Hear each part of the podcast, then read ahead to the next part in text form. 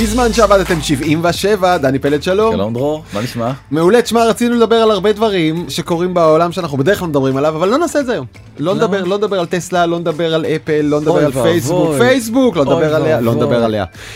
אנחנו הולכים לדבר, לעסוק בפרק שאנחנו עדיין מתווכחים איך צריך לקרוא לו. אתה חושב חינוך. שזה חינוך? אני אומר ממש לא, אנחנו לדבר על פרנסה, על כסף, איך מגיעים לכסף שנמצא בהייטק, איך עם ישראל יכול להגיע לאושר ולאושר שנמצא בעולם הזה. נו, אז צדקתי, חינוך. כן, אבל אנחנו באים בשביל הכסף, דני, לא יודע אם שמת לב, אבל לא משנה. טוב. אז בעצם אנחנו רוצים לענות לשאלה שמנקרת להמון ישראלים בראש, ובצדק, איך נכנסים להייטקס. זה לא יאמן איך ש- המיני סדרה הזאתי בתוך ארץ נהדרת אה, שינתה ז'רגון. את ה... כן, כולם עכשיו אומרים הייטקס, גם בהייטק. נכון, כאילו, אין נכון, כזאת מדהים. יותר. לא, כן. אבל הייטקס, בניגוד להייטק, הייטק זה אומר, אתה יודע, עבודה ולימודים ותכנות. הייטקס אומר את כל מה שמסביב. הנצנצים, נכון? ה-24 התדמית, טעמים של גלידה. ה-24 אז מה- טסלה טריה. יפה. אוקיי, אז- אז איך מגיעים? מה ללמוד בתיכון? זאת שאלה שאתם צריכים לשאול את עצמכם. אם לא שאלתם אותה בזמן, לא נורא, כי הדבר הבא זה מה ללמוד? באוניברסיטה. נכון. נורא חשוב מה ואיפה, וכאן יש הפתעה שמגיעה. גם בלימודים וגם באוניברסיטה התשובות הן מפתיעות מאוד לדעתי ולא הסטנדרט עליו אנחנו חושבים שבאמת זאת תהיה התשובה. ובכלל גם יש איזה מין טרנד חדש שנדבר עליו אה, לעומק אה, שנקרא bootcamp שזה בעצם איזה מין אה, מחנה אימונים כזה במקום אוניברסיטה, במקום אוניברסיטה. לטירונות הייטק. טירונות הייטק שעוד פעם זה באמת אני חושב שמי שהמציא את ה bootcamp הזה לפני שקראו לזה bootcamp זה 8200 כי בעצם הם עושים נכון. crash courses כאלה לתכנות לכל מיני ילדים צעירים מוכשרים ואחרי זה הם העובדים הכי מבוקשים בהייטק בלי שהם הלכו למסלול של אוניברסיטה נדבר גם על זה. נדבר על משהו שמאוד מאוד מעניין אותי שאולי בכלל כן. לא צריך ללמוד הייטקס. לא. יש כאלה מהמם. שדעתם מאוד מאוד מוערכת גם בחוגים של הייטקס אוקיי. שחושבים שללמוד תכנות זה טעות גדולה. ובאמת זה מוביל אותי גם לנושא האחרון שעליו נדבר ומה הן אה, משרות העתיד אליו אה, נגיע כבר רק בפרק הבא כן. אבל בוא נתחיל. נתחיל בפריחת ההייטק, להסביר שנייה את הגרביטציה, את המגנטיות של העולם הזה. תכף תגיד מה קרה ממש בשנה האחרונה, אבל לפני זה צריך להגיד, הרבה אנשים שואלים את עצמם, למה דווקא אנשי הטכנולוגיה מרוויחים כל כך הרבה יותר, לעומת עובדים סוציאליים, ארכיטקטים, מורים, למה דווקא שם? וכדי לענות על זה באמת התשובה היא מאוד פשוטה, תחשבו על מה קורה למי שמקים קיוסק בצומת, לעומת מי שמקים את אותו קיוסק פשוט דיגיטלי באמזון. הקיוסק בצומת יכול למכור פחיות ומטענים ועיתונים למי שעובר בצומת באותו רגע. אותה חנות באמזון שתמכור רק את המטענים של הטלפון, מוכרת לכל העולם. ומה שאמרתי עכשיו במילה אחת, בז'רגון עסקי זה סקיילביליות, היכולת לגדול, ובהייטק ברגע שאתה בטכנולוגיה, אתה יכול לגדול, נכון, פי מאות על אותה עבודה שעשית, ומכאן הערך הכלכלי, ומכאן המשכורות, ומכאן כוח המשיכה של זה. וגם כי זה מעניין, לפעמים זה מעניין מאוד, לפעמים זה משנה עולם. בוודאי מה זאת אומרת זה בעיקר היעילות שהטכנולוגיה מביאה היא משנה כל תעשייה זה, באשר היא. זה הדבר החשוב. זה נכנס לכל תחום, בחקלאות, ברפואה, בחינוך, איפה שאתם רוצים, יש הייטק שמשנה אותה עכשיו. נכון. אוקיי, אז, אז- בעצם השנה האחרונה הייתה שנה מטורללת, גידול של 520 אחוז באקזיטים בהשוואה לשנה הקודמת, וזה באמת מספר בלתי נתפס. זה שינה גם אה, בכלל את כל אה, פני התל"ג של אה, מדינתנו הקטנה ישראל. בעצם זו השנה הראשונה בהיסטוריה של מדינת ישראל שהשירותים, ייצוא השירותים מישראל גדל על ייצוא הסחורות. זאת אומרת, אנחנו כבר לא מייצאים תפוזים יותר. אנחנו יותר מייצאים שורות קוד זה די מדהים מה אתה אומר? באמת? לא זה לא מפתיע שזה רק ב-2021 קרה ממש, זה נכון? בדיוק מה שמפתיע. נכון אז רק השנה פעם ראשונה בעצם השירותים גדלו על הסחורות ויצוא ההייטק מתוך כל הדבר הזה זה 45 מיליארד דולר חלק עצום מתוך העוגה זה יצוא הייטק ובאמת. כולם רוצים להיות חלק מהחגיגה הזאתי כולם רוצים להיות חלק מהמשפחה הנהדרת הזאתי משפחת ההייטקס כן. והשאלה היא באמת למה אז בוא נסתכל שנייה על השכר ונראה משהו קצת עגום השכר הממוצע במשק הישראלי עומד על 11,277 שקלים ב-2021 ממוצע לכל העובדים, בכל המקצועות, בכל התחומים, בכל המינים, בכל המגזרים, בכל הוותקים. ושכר ההייטק עומד על 25,812 שקלים. יותר מכפול. לדעתי זה הטעיה וזה מספר שהוא לא מספר מדויק כי המספר הזה לפי הלמ"ס הוא לוקח גם את מי שעובד בכל מיני שירותי תקשורת וגם את מי שעובד בפס הייצור של ייצור תרופות שזה בכלל ביוטכנולוגיה זה לא קשור ל... חלק מהביו כן קשור, אבל לא על זה אנחנו מדברים כשאנחנו מדברים על לא. הייטק. וכשאנחנו מדברים על שדרות רוטשילד ועל 8200 ועל כל היחידות האלה בעצם אנחנו מתייחסים לצד הימני ביותר בגרף של הלמ"ס אנחנו מדברים על מחקר ופיתוח ואנחנו מדברים על תכנות. כן. השכר הממוצע במחקר ופיתוח עומד על 29 וחצי אלף שקלים והשכר הממוצע בתכנות עומד על 27 אלף שקלים. כלומר על זה אתם צריכים לחשוב על משפחת ה-30 אלף. נכון כמעט. ואז אתה משווה את זה על ה-11 אלף של השכר הממוצע ואתה מבין למה כולם רוצים לנהור להייטק ולעבוד בו. באמת גם התעשייה בגלל הגידול העצום הזה בגלל הזרמות ההון האדירות והקרנות הגדולות האמריקאיות שנכנסו פה לישראל בעצם יש כרגע מחסור אדיר יש כאלה שאומרים שהוא 20 אלף יש כאלה שאומרים שהוא הרבה הרבה יותר ואז השאלה בעצם. מי הם האנשים שחסרים? איזה מקצועות וקראתי איזה כתבה עם אה, כתבה אותה כותבת בשם אורנה רודי רודי שהיא בגלובס. יועצת תעסוקה mm-hmm. והיא אמרה שמדברים על מחסור גדול אז לא מתכוונים אליכם. עם ישראל. עם ישראל מדברים על אלה עם התארים. אני חושב שיש בזה אמת כי המקצועות שאני יודע שחסרים זה מתכנתי בינה מלאכותית אנשי סייבר מתכנתי חומרה כבדים שיודעים לתכנן מעבדים וכאלה אלה דברים שאתה בגדול לא לומד בחודשיים. זה נכון, אבל זו לא האמת המלאה, okay. אוקיי. להפך. הביקוש הגדול לא יהיה למקצועות האלה כבר עכשיו. אוקיי. המגמה הזאת רק תלך ותמשיך. שזה אני... בשורה אופטימית באמת לעם ישראל שאומר גם אני רוצה להגיע ואני לא אלמד בטכנולוגיה נכון, אז אני אסביר בדיוק למה, mm-hmm. ובאמת השבוע אה, יאיר לפיד אמר שבעצם היעד של מדינת ישראל הוא להגיע למיליון עובדים בהייטק, מיליון זה אומר חמישית מכוח העבודה בישראל. כן. כרגע אנחנו מדברים על 340 אלף עובדים, אנחנו רחוקים משם מאוד, ובוא באמת נתחיל אבל נדבר על המסלול הראשון וזה מסלול התואר, התואר האקדמי על מנת להגיע להייטק. אני רואה שכתב כאן רונן ניר בטק 12 וקראתי את זה גם uh, אצל מירב אלעזור וסמי פרץ בדה מרקר, מאוד מאוד נכון. הדבר שישראל צריכה לעשות זה להזריק הייטק, כלומר פריון ויעילות לענפים האחרים, לשאר ענפי המשק, אפילו לפני שמגדלים את ההייטק, כי שם הבעיה האמיתית שלנו, של הכלכלית של מדינת ישראל. אבל עם ישראל רוצה להייטק, אנחנו נעזור לו להגיע להייטק, no problem. נכון, אבל מה שרונן ניר, חברי הטוב, יש לומר, אומר בעצם, מתכתב עם אותה משימה לדעתי של יאיר לפיד, כי בעצם יאיר לפיד אומר, אנחנו רוצים להביא את האנשים להייטק, ורונן ניר אומר, בוא נביא את ההייטק לאנשים. לאנשים, וזה הכל, בול. זה בסך הכל אותה מגמה, רק השאלה היא באמת איך אתה מגדיר את היעדים, ופה נראה לי קצת הוויכוח. Okay. אוקיי. רונן בוועדה הממשלתית של mm-hmm. הגדרת היעדים אז אני די רגוע זאת אומרת שבסוף זה יתיישר הדבר הזה ואני מקווה שבקרוב מאוד הם יפרסמו את המסקנות שלהם ואיך באמת מקרבים אבל זה בטוח שהמדינה הזאת שאין לה יותר מדי משאבי טבע כאלה ואחרים אלא בעיקר נשענת על הון אנושי צריכה לנסות ולדחוף כמה שיותר אנשים לתוך עולם ההייטק הזה וגם לצמצם פערים חברתיים. אבל אנחנו מבינים שכשבהייטק המשכורת היא 25, 7, 30 והלאה זה שואב כל אדם עם יכולת הגיונית החוצה מכל ענף אחר ושאר הענפים מתרוקנים מהרבה מאוד כישרון.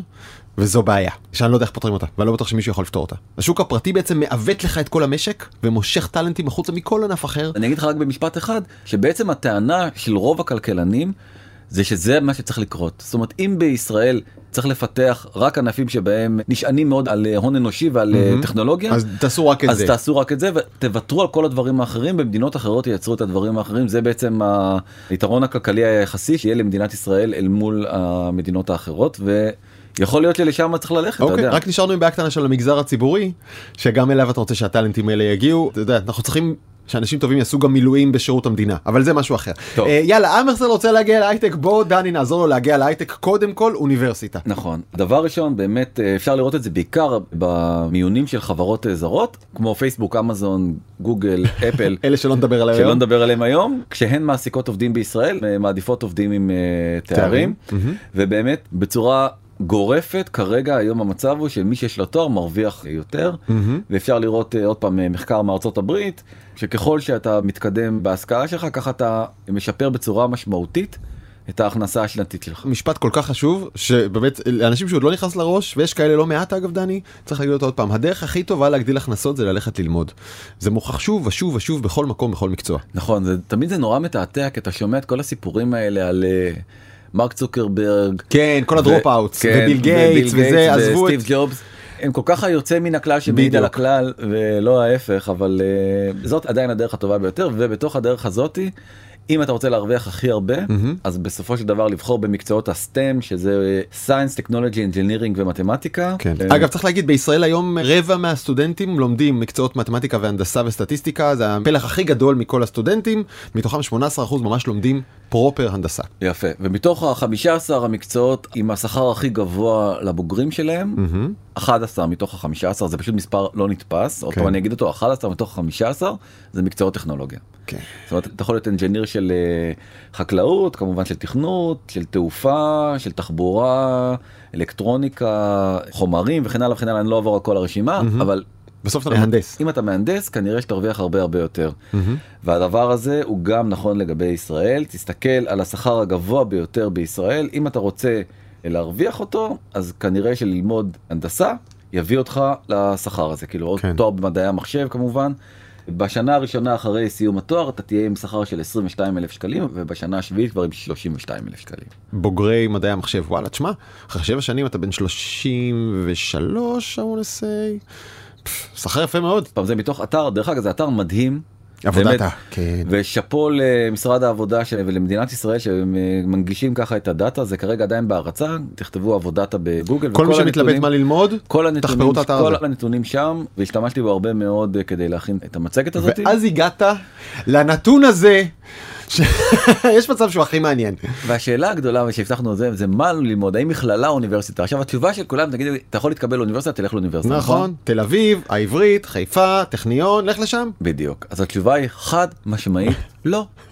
אם פונקציית המטרה שלך היא להרוויח כמה שיותר אה, כסף בסוף התואר יש מקום אחד שאליו אתה צריך ללכת כדי למקסם את השכר שלך והוא המרכז הבינתחומי הרצליה סליחה אוניברסיטת רייכמן קוראים לזה היום. אוניברסיטת רייכמן. כן. בוגריו מקבלים את השכר הממוצע הגדול מכולם ואני רוצה להגיד אפילו קצת בפער. כן בפער גדול. נכון? כעבור חמש שנים מסיום הלימודים בוגרי אוניברסיטת רייכמן ירוויחו 39,900 שקלים. כן 40 אלף שקלים כן. כעבור לא- חמש שנים עוד לא בני 30. במקום האחרון ברשימה זה הטכניון אז זה מעליב אותי כחיפאי אני חייב להגיד לך.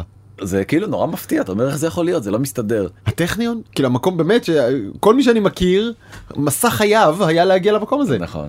אז הוא במקום האחרון זה ממש נתונים מדהימים. מה אנחנו לומדים מזה יכול להיות להגיד הטכניון הוא פשוט הרבה יותר פוקוסט על מחקר וגם מחקר אקדמי בתוך הטכניון ועם בוגריו הולכים לעבוד הם מוכשרים לזה כמובן אבל הם לא מוכוונים לשם בלייזר פוקוס כמו רייכמן שממש עובד על להוציא אותך מקצוען לשוק העבודה למשרות הכי נחשבות. או להקים סטארט-אפים או או, להקים או סטארט- כל מיני מין כן. רגע אה, יש עוד אפשרות? זה נורא מעניין הצומת הזה שבו נפגשים מדעי המחשב ורכילות נכון? הכי מעניין. אבל איכשהו כשאני הולך לפעמים ברייכמן שאני מאוד אוהב להיות שם ואני פוגש שם אנשים נהדרים. גם לפעמים שמות המשפחה מצלצלים מוכר מעיתוני העסקים. אני בתור בוגר אה, רייכמן היו איתי. היו איתך? כן. יאללה name drop name לא, drop לא, לא, name לא, drop לא. עם מי למדת? אני אספר לך אחר כך. אנחנו לא. מכירים אותם אבל? אתם מכירים. יאללה. כן. ברור נו זה נכון מה שאתה אומר. עכשיו למה זה רלוונטי? כי מה לעשות העולם עובד כך שכסף נדבק לכסף ואם באת ממשפחה משפחה כנראה שלא תעבוד בשביל שכר ממוצע כשתסיים את הזה השאלה אם זה מספיק אנשים ממשפחות כבדות. כך שזה יכול להטות את כל הממוצע של כל הבוגרים באופן כזה מובהק תחושת הבטן שלי שלא נשענת על שום נתון דני היא שלא. אני כן חושב שהבוגרים בסוף הם מוכשרים לעבוד בעבודות מתגמלות יותר. אני לא מבין איך רייכמן הם לא צריך לעשות כלום חוץ מקמפיין שמראה את? ה-. את הגרף הזה וזהו. Do you want to be a millionaire? Come here. נכון ופשוט נגמר כל הסיפור למה הם לא מייחצנים את זה. רק בוא נהיה טיפה פחות מונוכרומטיים בסדר? ללמוד ברייכמן יוציא לכם את השכר הממוצע הגבוה ביותר אבל גם ללמוד בעברית או בתל אביב או בבן גוריון יוצא אתכם עם יופי של מקצוע ואחלה שכר והכל בסדר גם הפתוחה. נכון. אוקיי? טכניון אתם צריכים להשתפר קצת. טוב בוא נחזור אז חזרה למסלול לימודים אז סגרנו את הפינה של מכללה אוניברסיטה ועכשיו נדבר על מה צריך ללמוד בבית ספר. אוי איזה יופי בית ספר חוגים. אז אה, כשחקרתי קצת את הנושא הזה ראיתי מחקר מאוד מאוד מעניין שפרסם פרופסור רמי מויאל שהוא נשיא מכללת אפקה והוא אומר אני פה מצטט מנבא הצלחה כמעט יחידי הוא לימודי חמש יחידות מתמטיקה בתיכון למרות המיתוס עדיף לסיים עם ציון נמוך יחסית בחמש יחידות מאשר ציון 100 בארבע יחידות. אני זוכר את זה עוד מימיי כי אמרו בוא אנחנו עדיף לנו להיות ראש לשועלים מאשר אה, זנב לאריות והוא אומר לא לא לא לא לא חברים לגמרי לגמרי לגמרי עדיף לכם להיות זנב לאריות הוא אומר רק בחמש יחידות מתמטיקה לא משננים חומר אלא מפתחים את הגמישות המחשבתית הנדרשת למקצועות ההנדסה ורק אם מתמודדים עם חומר קשה מפתחים שריר מתמטי. המועמדים הטובים ביותר ללימודי מקצועות ההייטק הם כאלה שלמדו חמש יחידות מתמטיקה פיזיקה ואנגלית. אז אני עשיתי בדיוק את זה. חמש פיזיקה, חמש כימיה, חמש אנגלית, חמש מתמטיקה, ותראה הגעתי להייטק רק עכשיו. עשית סיבוב ארוך. עשיתי סיבוב מאוד ארוך, יש לי איזה מיזם עם חברים. אז מה באמת אה, נדרש לתואר בהנדסה? אז דיברנו על אלגברה, שזה מאוד מאוד אה, חשוב, וגם צריך, לצערי, הרבה מאוד מאוד כסף. רגע בוא נעשה סדר אם אתה הולך ללמוד באוניברסיטה שכר הלימוד הוא מסובסד הוא ממשלתי הוא 10-11 אלף. שקלים לשנת לימוד נכון? תואר נכון. באוניברסיטה יעלה כ-30 ומשהו אלף שקל כל התואר. נכון, אבל הפער עוד מתחיל מבתי הספר, כי בתי הספר בפריפריה, יש שם רמת הוראה יותר נמוכה. נכון. נגיד בשביל לעשות אה, חמש יחידות מתמטיקה, אז הרבה פעמים צריך אה, שיעורי השלמה. שיעורי השלמה עולים כסף. הכסף הזה בעצם בסופו של דבר לא נמצא בכיסם. כששמעתי תלמידים בערי פריפריה מספרים שאין אין כיתת חמש יחידות בכלל בשום בית ספר באזור אין את האופציה לגשת. זה אני יודע שזה מדהים אותי אבל אני חושב שזה השתפר מאוד בשנים האחרונות. אז הנה לך נתון מ-2022 שליש מהסטודנטים ביישובים כלכליים חברתיים הם אלה שלומדים ולעומת רק חמישית מאשכולים, מאשכולות אה, נמוכים זאת אומרת אה, רוב האנשים שבעצם הולכים לאוניברסיטה הם כאלה שגרים ביישובים עשירים. זה מאוד מאוד מייאש כן. אבל זה המצב והנושא השני זה באמת אתה ציינת את הלימודים המסובסדים אבל הלימודים המסובסדים האלה צריך להוציא גם עוד פעם ציונים מעולים מעולים מעולים כן. בבגרויות מה שמכשיל את אלה שהם בפריפריה פלוס פסיכומטרי מאוד גבוה שגם הוא זה קורס מאוד מאוד יקר. פסיכומטרי אפשר לעשות בחינם. אתר קמפוס אייל של הממשלה יש קורס פסיכומטרי טוב בסדר, ובחינם ואנשים יפה, עושים אותו והוא טוב. סבבה אבל, אתה- אבל עדיין הדרישות הן מאוד לא, גבוהות זה לא- זה לא קטנים. אם אתה משווה קורס חינמי שאתה עושה אותו בעצמך באונליין בהשוואה לקורס עם מדריך שמחזק אוקיי. אותך הרבה אנשים עושים את הקורס משהו כמו כמעט חצי מהניגשים לפסיכומטרי לומדים את הקורס הזה החינמי באתר קמפוס אייל של המדינה והוא טוב. להגיד לך אם הם יכולים להגיע לציון פסיכומטרי הנדרש כדי להתקבל אני לא יודע. יפה זה אנחנו במחוזות ומכיוון- ה-750 ומעלה. ומכיוון שהאוניברסיטאות האלה המקומות בהם מאוד מאוד מוגבלים ומצומצמים צריך ללכת למכללות ובמכללות מה קורה השכר משתגע. אז הייתה מחאה באמת אה, גדולה ברייכמן על השכר בשנה שעברה שכבר האמיר ל-42 אלף שקלים. לשנת לימוד. לשנת לימוד זה היה 17 ב- בתקופתך? בתקופתי. שאר המכללות למיטב ידיעתנו זה בין 30 ל-40 אלף שקלים שזה גם כן שכר לא מבוטל אגב בארצות הברית זה הרבה יותר גבוה. יפה ובארצות הברית זה בכלל השתוללות ובעצם השכר רק הולך ועולה ועולה ועולה וכבר מגיע כמו כאן רק בדולרים. נכון כבר מגיע כמעט במכללות פרטיות ל-40 אלף דולר.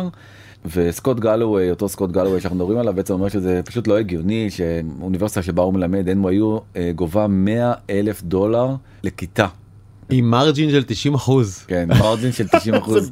דרך אגב אתה יודע שזה הרי מלכ"ר שזה די מדהים כאילו גם האוניברסיטאות בארצות הברית הם מלכ"ר. אז מה הם עושים עם הרווח של 90 הם אחוז? משלמים יותר כסף למרצים כי הם יכולים להביא מרצים יותר טובים משלמים יותר כסף על כל הכיבודים וכל הדברים מסביב. אבל תשמע מאוד- זה היצע וביקוש בסוף הביקוש מטורף מכל העולם זה בארצות הברית. אה, והדבר הזה מביא בעצם לאולי אחת הבעיות הכי קשות של אמריקה היום זה בעצם החוב של הסטודנטים כי הם לא יכולים לשאת בעול הזה שהגיע בסוף שנה שעברה ל-1.7 טריליון דולר. זה כרגע גובה החוב ואז בעצם הגיע הזמן אולי לבדוק בעצם איזה אלטרנטיבה שהיא לא מחייבת את ה... לשלם 100 אלף דולר ל-NYU והאם יכולה להיות כזאתי. כלומר אפשר לשאול מה המטרה שלך בחיים לצאת עם תעודה שכתוב על ה-NYU או להשיג עבודה בהייטקס. בהייטקס במשכורת מכובדת ובמקום טוב. אז המשכורות יכולות להיות מאוד מאוד מאוד גבוהות גם במסלול האלטרנטיבי שעליו אני הולך. לדבר עכשיו. כן, לימודי התעודה או כמו שקוראים לזה באנגלית technology bootcamp. כל כך הרבה יותר sex appeal יש ל bootcamp מאשר המילה לימודי תעודה. נכון. אז ה bootcamp הזה בכלל איך הוא התחיל הוא התחיל מאיזשהו פורום של Y Combinator שזה אקסלרטור מאוד מאוד מצליח ובו כתב איזשהו בחור הודעה בשנת 2011 לפני 11 שנה. הוא אמר תקשיבו מה היה קורה אם הייתי מציע לכם שאני אלמד אתכם לקודד ואם uh, אתם תהיו מספיק טובים אתם לא צריכים לשלם לי על זה שאני מלמד אתכם אני מעסיק אתכם. תראה איזה משפט יפה. I'm willing to invest my time, money and energy up front to get you in good enough shape to land a job as a junior Rails developer. כאילו, לא צריך את NYU, אני מספיק טוב בשביל להביא אתכם לשם. והדבר הזה זה פשוט היה כמו שריפה בשדה קוצים. הנה, הוא כתב tuition is 6,000 דולר. כן תשלמו את זה בחמש שנים, 100 דולר לחודש. וואו. ככה זה התחיל הדבר הזה עוד פעם זה y קומבינטור זה כאילו האקסלרטור הכי נחשב בעולם. מי שכתב את המודעה הזאת הוא הקים את אחד מהבתי ספר הגדולים בתחום הזה בסופו של דבר.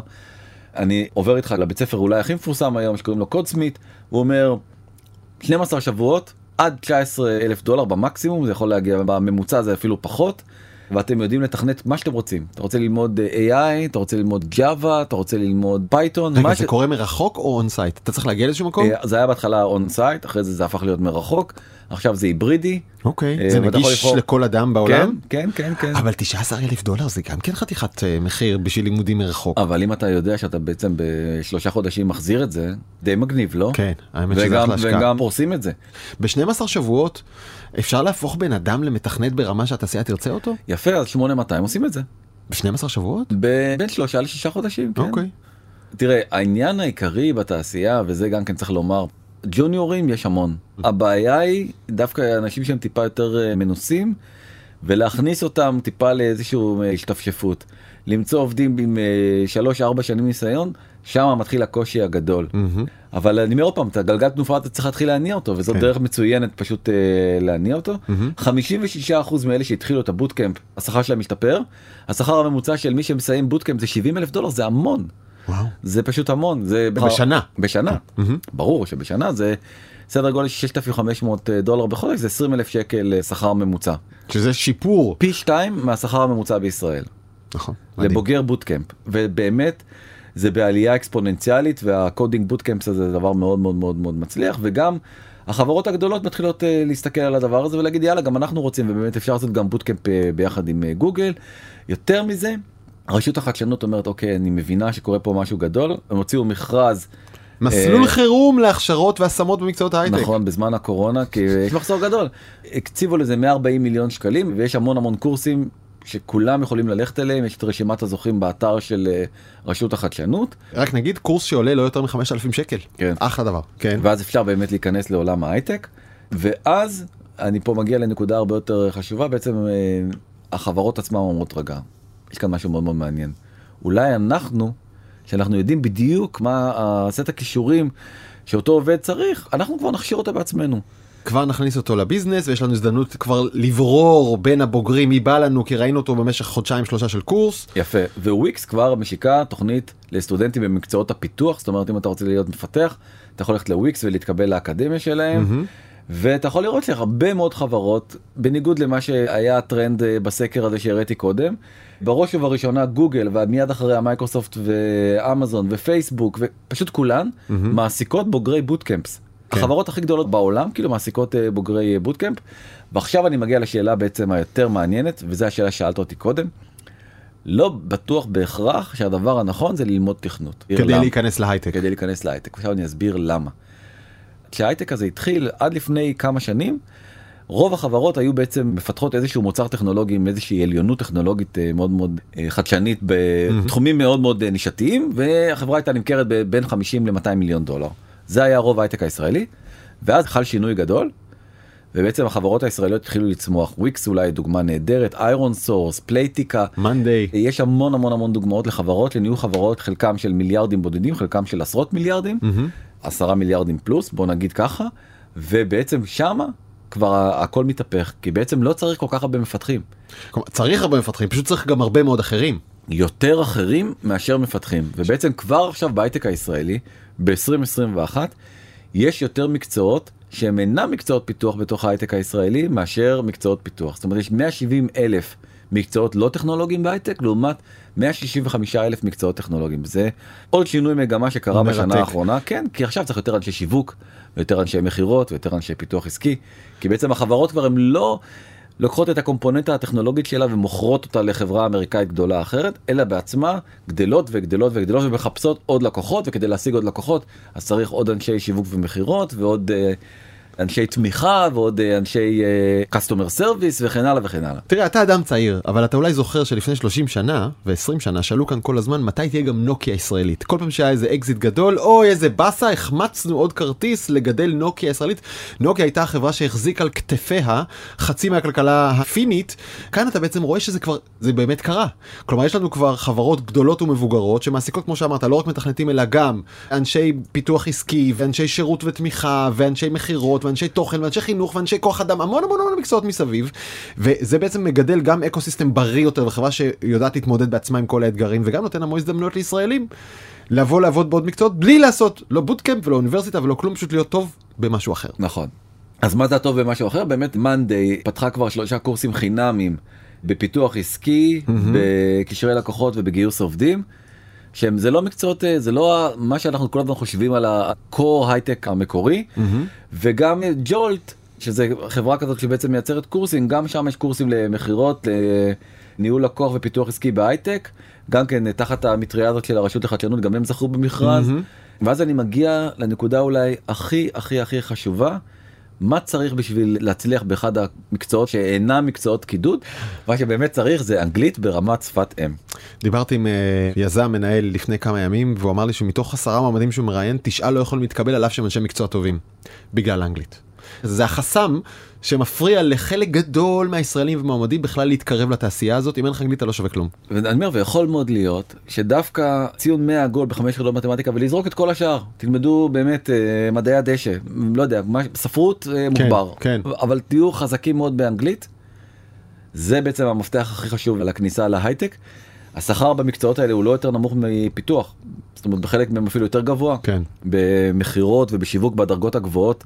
זה השכר הכי גבוה בתוך כל החברות האלה mm-hmm. כי הם בסוף מביאים את הלקוחות. כאן אפשר לפנות להורים לילדים בגיל חד ספרתי ולהגיד להם בית ספר זה נחמד. תדאגו שהילדים שלכם מקבלים בוסט אנגלית מהגיל הכי צעיר שאפשר. אגב, עד גיל 5 זה ההזדמנות הכי טובה ללמד שפה, כי זה נספג הכי טוב.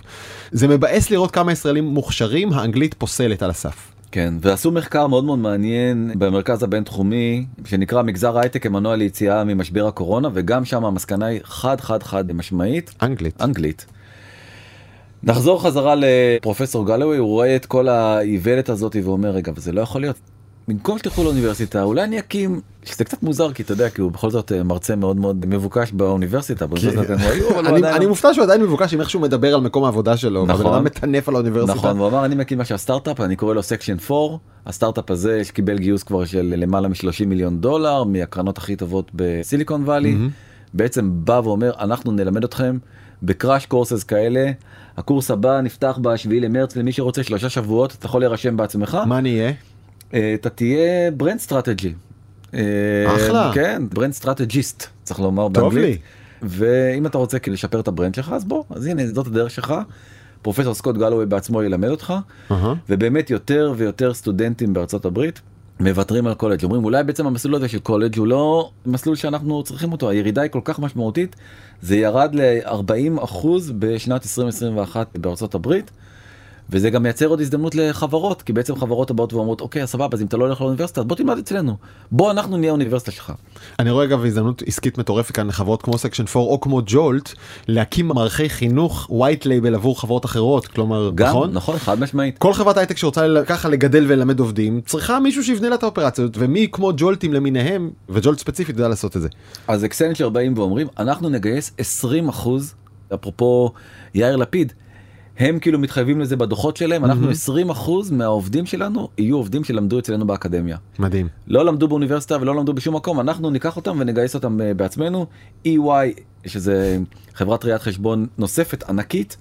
באה ואמרה אנחנו נבנה ביזנס אקדמי של עצמנו במקום שתלכו ללמוד ראיית חשבון באוניברסיטת בר אילן בואו אלינו אנחנו נלמד אתכם את כל הדברים האלה ועזבו אתכם מאוניברסיטה בואו תלמדו אצלנו גם נבטיח לכם עבודה זה לא תואר זה תחליף תואר. זה מזכיר לי את סבא של סבא שלי שלקח את אבא של סבא שלי לסנדלר בגיל 16 אמר שומע קח תלמד אותו נחזור עוד חמש שנים נראה מה העניינים שהוא יהיה שוליה שלך ללמוד תוך כדי עבודה זה זה בעצם זה הכי קרוב לזה נכון והיה בזה הרבה היגיון אז ויש גם היום. בישראל המצב הוא שונה בישראל כל שנה אתה יכול לראות את כמות הסטודנטים הולכת ועולה בשנה האחרונה כבר זה קרוב ל-340 אלף סטודנטים mm-hmm. עלייה מאוד מאוד מאוד משמעותית ופה עדיין מאמינים בתארים במדינה שלנו.